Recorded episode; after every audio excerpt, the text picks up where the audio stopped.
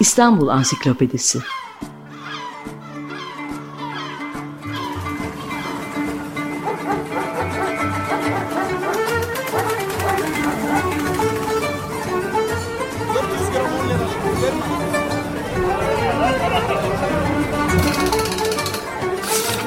İnsanlar, olaylar, mekanlar, gelenekler ve ihtiyaçlar üzerinden şehrin tarihinden sayfalar.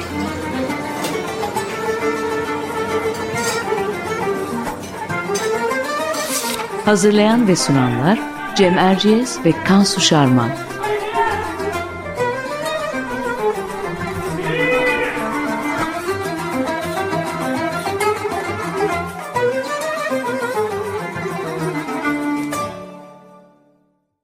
Merhaba, ben Cem Erciyes.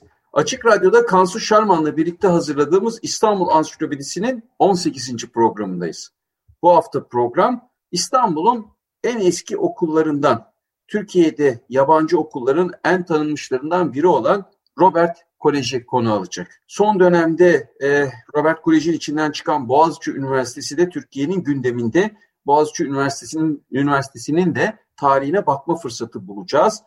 Konuğumuz e, şehrin eğitim ve kültür e, tarihinde önemli yer tutan Robert Kolej'in e, de öğretmenlerinden e, araştırmacı yazar ve eğitmen Önder Kaya. Önder Bey hoş geldiniz. Hoş bulduk. Çok teşekkür ederim. Şimdi her hafta olduğu gibi biz Kansu ile kısa bir giriş yapıp e, sonra sözü e, konuğumuza bırakacağız.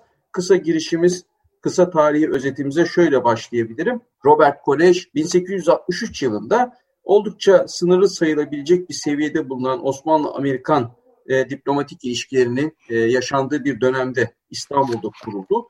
Okul e, geride kalan e, 160 yıla yakın dönem boyunca e, Girit isyanından e, Düğün-ü Umumiye'nin kurulmasına, e, Balkan ve Birinci Dünya Savaşı gibi Osmanlı İmparatorluğunu parçalayan olaylardan Cumhuriyet'in ilk yıllarına pek çok e, tarihi olaya şahitlik etti ve bu okulun mezunları, bu okulda okuyanlar zaman zaman bu olaylardan bazılarının aktörleri arasında yer aldı. Peki Osmanlı-Amerikan ilişkileri o dönemde nasıldı? Kansu e, istersen sen devam et buradan itibaren.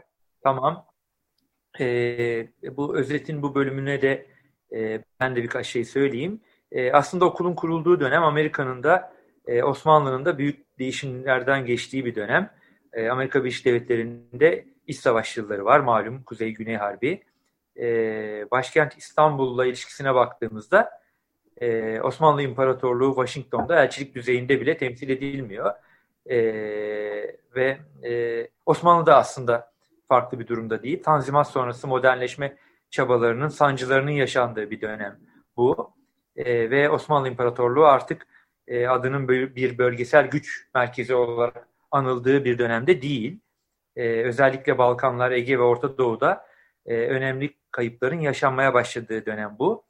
E, yani aslında e, dünya siyasetinde yeni yeni gözükmeye başlayan Amerika Birleşik Devletleri eski kıtanın artık gücü eskisinden uzak bir ülkesinde ciddi bir eğitim hamlesi yapıyor diyebiliriz.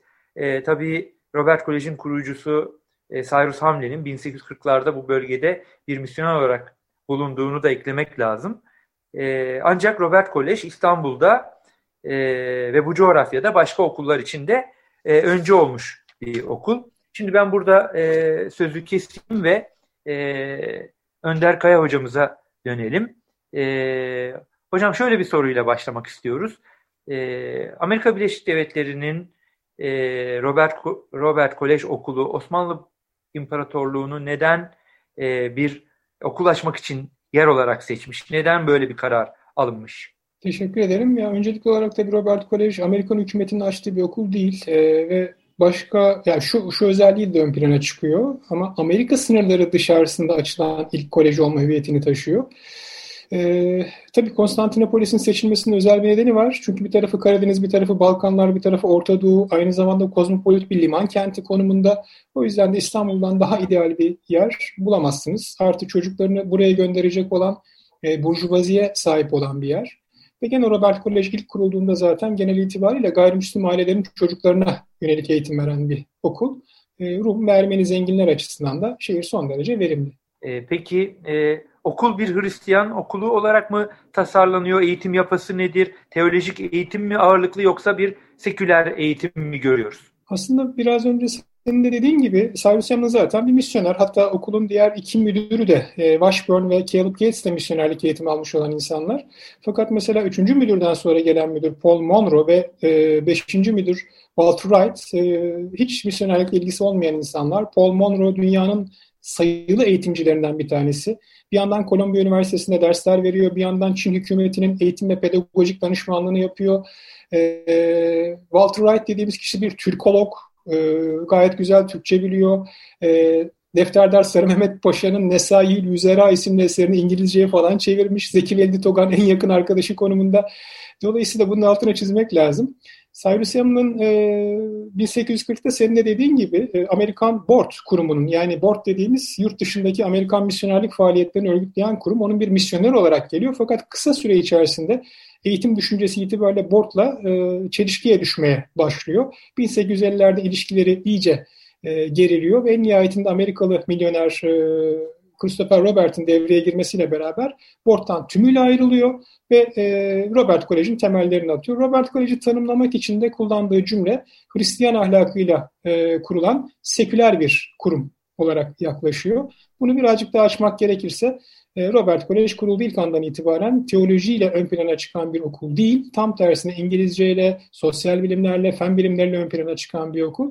Hatta ve hatta kadrosunda da e, Edwin Grosvenor veyahut da e, Alexander van Willingen gibi dünyanın sayılı bilim insanlarını e, toplayan bir kurum. Alexander van Willingen zaten dönemin en önemli Bizantologlarından bir tanesi.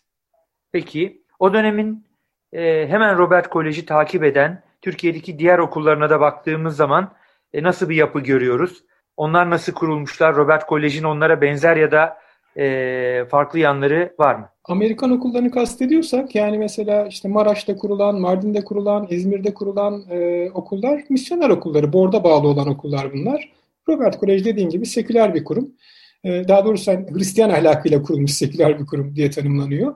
E, ve Robert Kolej'in kendisine rakip olarak görmüş olduğu okul İstanbul'da Mektebi Sultani. Mektebi Sultani'de biliyorsunuz Müslüman e, burjuvasinin veya işte aristokrasisinin çocuklarını gönderdiği bir okul. Hem arkasında Osmanlı İmparatorluğu'nun desteği hem de Fransız hükümetinin desteği var.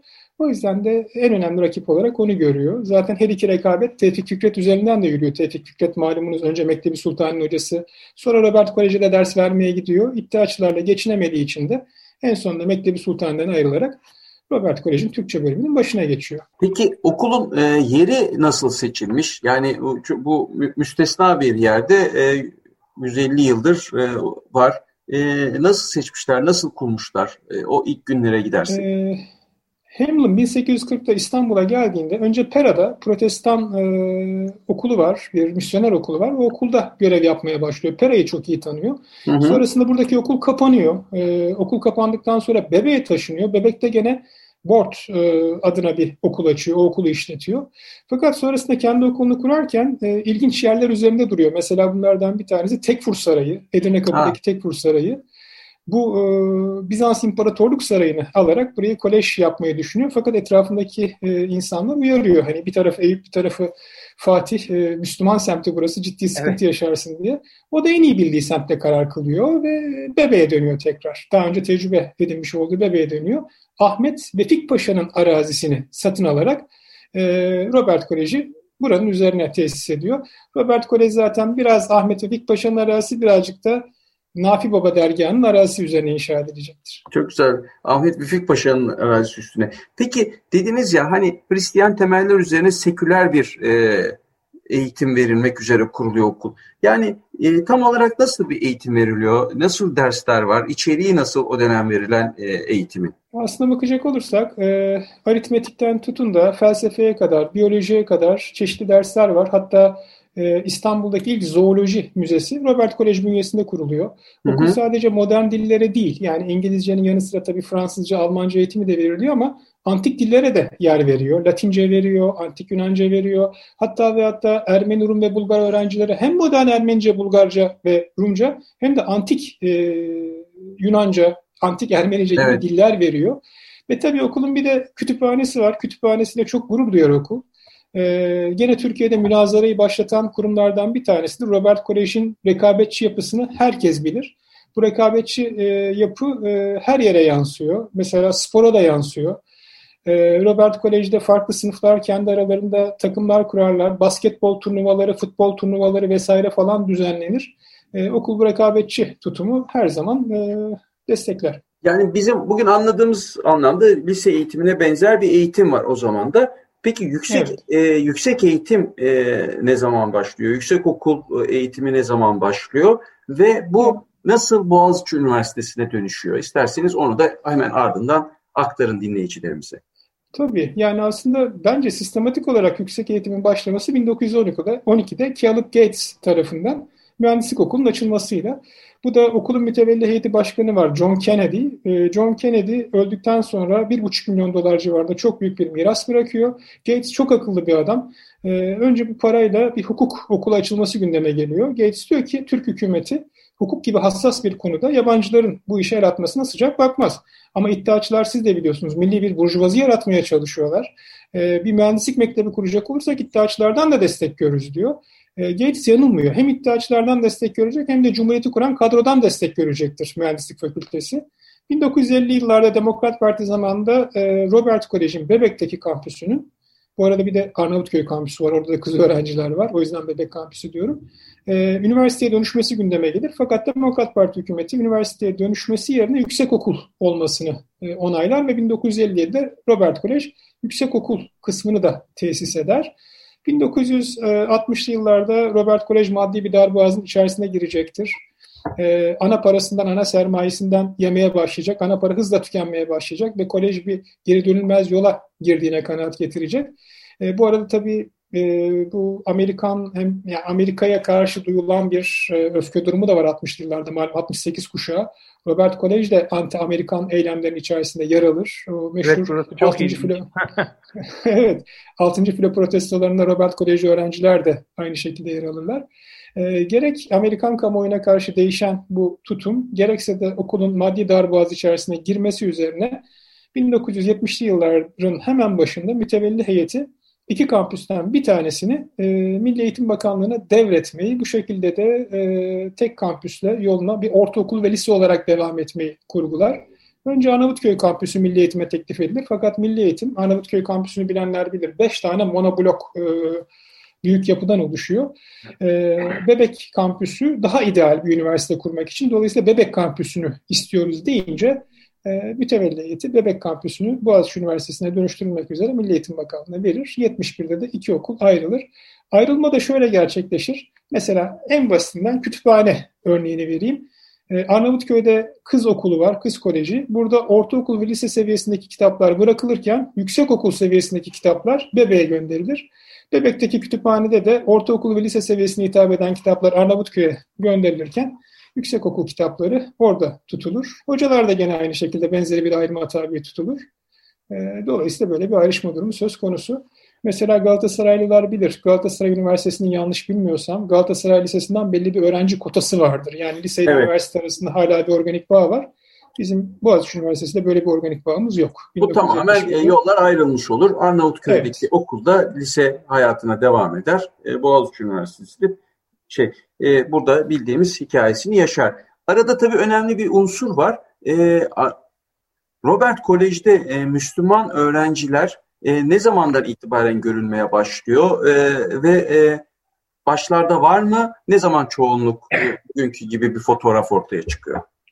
Aslında ilk anlardan itibaren var ama e, okulu bitiremiyorlar. Muhtemelen bunda iki nedeni var. Birincisi gerek Müslümanlar gerek gayrimüslimler okulu daha ziyade İngilizceyi öğrenmek için tercih ediyorlar. İngilizce öğrendikten sonra eğitimi bırakıyorlar. Okulun hı hı.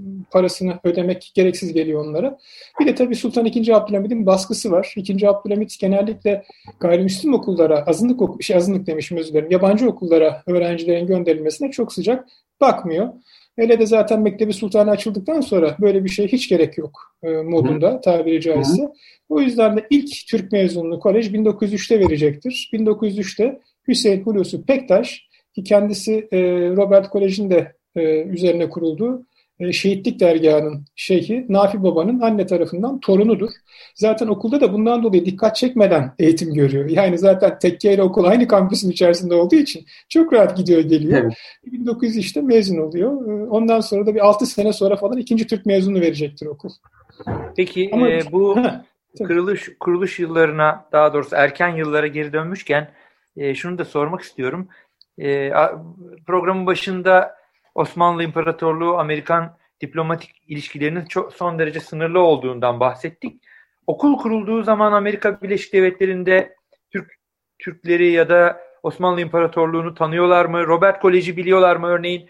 Ve bu sonraki yıllarda ikinci Meşrutiyet ve Birinci Dünya Savaşı döneminde bir değişiklik gösteriyor mu? Başlangıçta e, tabii ne Türkiye Amerika'yı tanıyor ne Amerika Türkiye'yi tanıyor. Hatta belki Robert Kolej'in Amerika'da en tanınan mezunu için halledip adıvarı beklemek gerekiyor. Biliyorsunuz oralarda konuşmalar, konferanslar falan veriyor kendisi. Evet. Ama Birinci Dünya Savaşı yıllarında e, iddiaçılarla okulun arası gayet iyi. Özellikle müdür Gates'in arası gayet iyi. E, İngiliz, Fransız, e, İtalyan okulları kapatılırken e, Amerikan okullarına erişilmiyor. Robert Kolej'e dokunulmuyor. Hatta 1917'de Amerika Savaş'a girdikten sonra da Talat Paşa ve Enver Paşa okulu kapatmıyor. E, hatta Enver Paşa'nın bir kardeşini Robert Kolej'e kaydettirdiği söylenir ve gene enteresan bir şekilde bu da pek bilinmez. İkinci Abdülhamit okula Müslüman öğrencilerin gitmesini istemiyordu, yasaklıyordu. Fakat Abdülhamit'ten sonra e, Osmanlı şehzadelerinden bir iki tanesi Robert Kolej'e devam edecektir. Atatürk zamanında da gene aynı şekilde okula bu ilgi devam edecek. Özellikle mühendislik mektebi Cumhuriyeti kuran kadronun göz bebeği olacaktır. İsmet Paşa küçük kardeşini e, bu okula kaydettirecektir. Atatürk manevi kızlarından iki tanesini Zehra'yı ve Sabiha'yı Amerikan Kız Koleji'ne e, kaydettirecektir. Okulun seküler, liberal e, tarzda eğitim vermesi de zaten Cumhuriyet kadrosunun arzuladığı bir şey. İkinci Dünya Savaşı'ndan sonra da zaten biliyorsunuz Türk-Amerikan ilişkileri altın çağını yaşıyor. Kolej de bu süreçte gene aynı şekilde altın çağını yaşıyor. Zaten en bomba Robert Kolej deyince kim geliyor hocam bir say falan diyecek olsanız hemen Bülent Ecevit'tir, işte Altemur Kılıç'tır, Refik Erduran'dır, Ülkü Tamer'dir. Hani farklı farklı alanlarda mezun olmuş olan insanların çoğu hep bu süreçte mezun oluyorlar. 1940'larda okula giriyorlar. Peki e, programın yavaş yavaş sonuna geliyoruz. Belki de e, son olarak e, hakikaten tanınmış simalardan bahsettiniz. Bunlarla devam edelim. Başka okulun hangi mezunlarından bahsedersiniz? E, Türkiye'de iz bırakmış. E, bu, bunu dinleyelim sizden. Şöyle söyleyeyim aslında okul genel itibariyle liberal e, iş adamları çıkartır gibi bir intiba var. Bu da aslında çok yanlış değil. Hani baktığınız zaman Rahmi Koç, Necat Eczacıbaşı, Suna Kıraç, Cem Boyner, Serdar Bilgili, İbrahim Bodur, Feyyaz Berker, Nihat Gökyiğit, İbrahim Betil bir çırpıda sayabileceğim isimler ama bunun dışında mesela muhafazakar camiaya mensup olan insanlardan Ayşe e, Şasa e, veyahut da e, Amerika'daki cerrahilerin piri olarak kabul edilen Tosun Efendi, Robert Kolej ve Amerikan Kız Koleji mezunlar. Bana Marksizm deyince Türkiye'de kim aklına geliyor diye soracak olsanız mesela Mihri Belli, Robert Kolej, Behice Boran Amerikan Kız Koleji mezunu insanlar durumunda.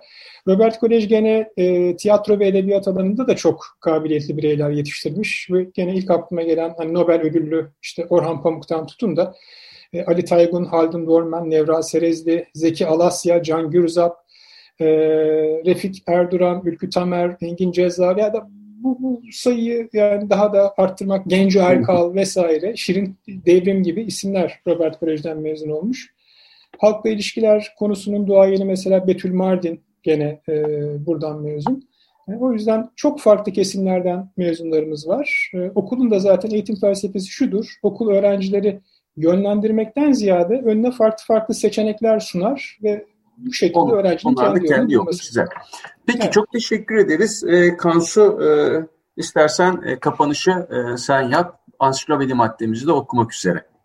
Evet bizim radyonun kurucusu Ömer Madra'nın da e, Robert Kolej Lisesi lise bölümünden mezun olduğunu hatırlatarak programımızın e, son bölümüne geçelim. E, geçen hafta e, süre nedeniyle bu bölüme yer verememiştik. Şimdi e, R harfindeyiz bu hafta. E, ve e, R harfinden maddemiz Reisül Kitap. E, İstanbul Ansiklopedisi e, G harfinde bittiği için Reşat Ekrem Koçu'nun Osmanlı Tarihinin Panoraması adlı eserinden e, aldık bu maddeyi. Oradan okuyorum. E, Divan-ı Humayun kaleminin amiridir. yabancı devlet elçileri Osmanlı İmparatorluğu'yla Divan-ı Hümayun'da temas ederlerdi. Divan-ı Hümayun'da muhtelif yabancı dilleri bilen lüzumu kadar tercüman vardı. Bunlara da Divan-ı Hümayun tercümanı denilirdi. 19. asra gelinceye kadar hemen hepsi gayrimüslimdi. Bilhassa Fenerli Rumlardandı. En kıdemlisi sadakatine güvenilebileni baş tercüman adını taşırdı. Divan tercümanları da katipler gibi Reisül Küttab Efendi'nin emrindeydi. Yabancı bir devlet elçisi İstanbul'a geldiğinde divanca tertip edilen e, bir günde divana gelir. Evvela Reisül Küttab Efendi'yi görür, ilk temasını onunla yapar, sadrazamın huzuruna onun delaletiyle çıkar. Eğer el, elçi herhangi bir mesele müzakere ve münakaşa edilecekse o görüşür, müzakere ve münakaşa eder ve neticeyi divana arz ederdi. Evet e, bu haftalıkta bu kadar. Haftaya yeni bir konu ve ansiklopedide yeni bir maddeyle e, devam edeceğiz. E, Önder Kaya'ya çok teşekkür ediyoruz. Hoşçakalın. Hoşçakalın. Hoşçakalın. İstanbul Ansiklopedisi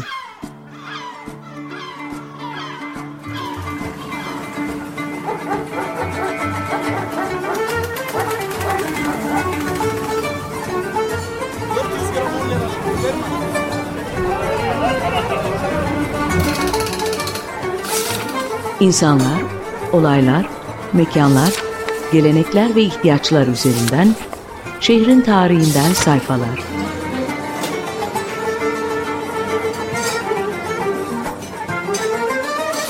Hazırlayan ve sunanlar Cem Erciyes ve Kansu Şarman.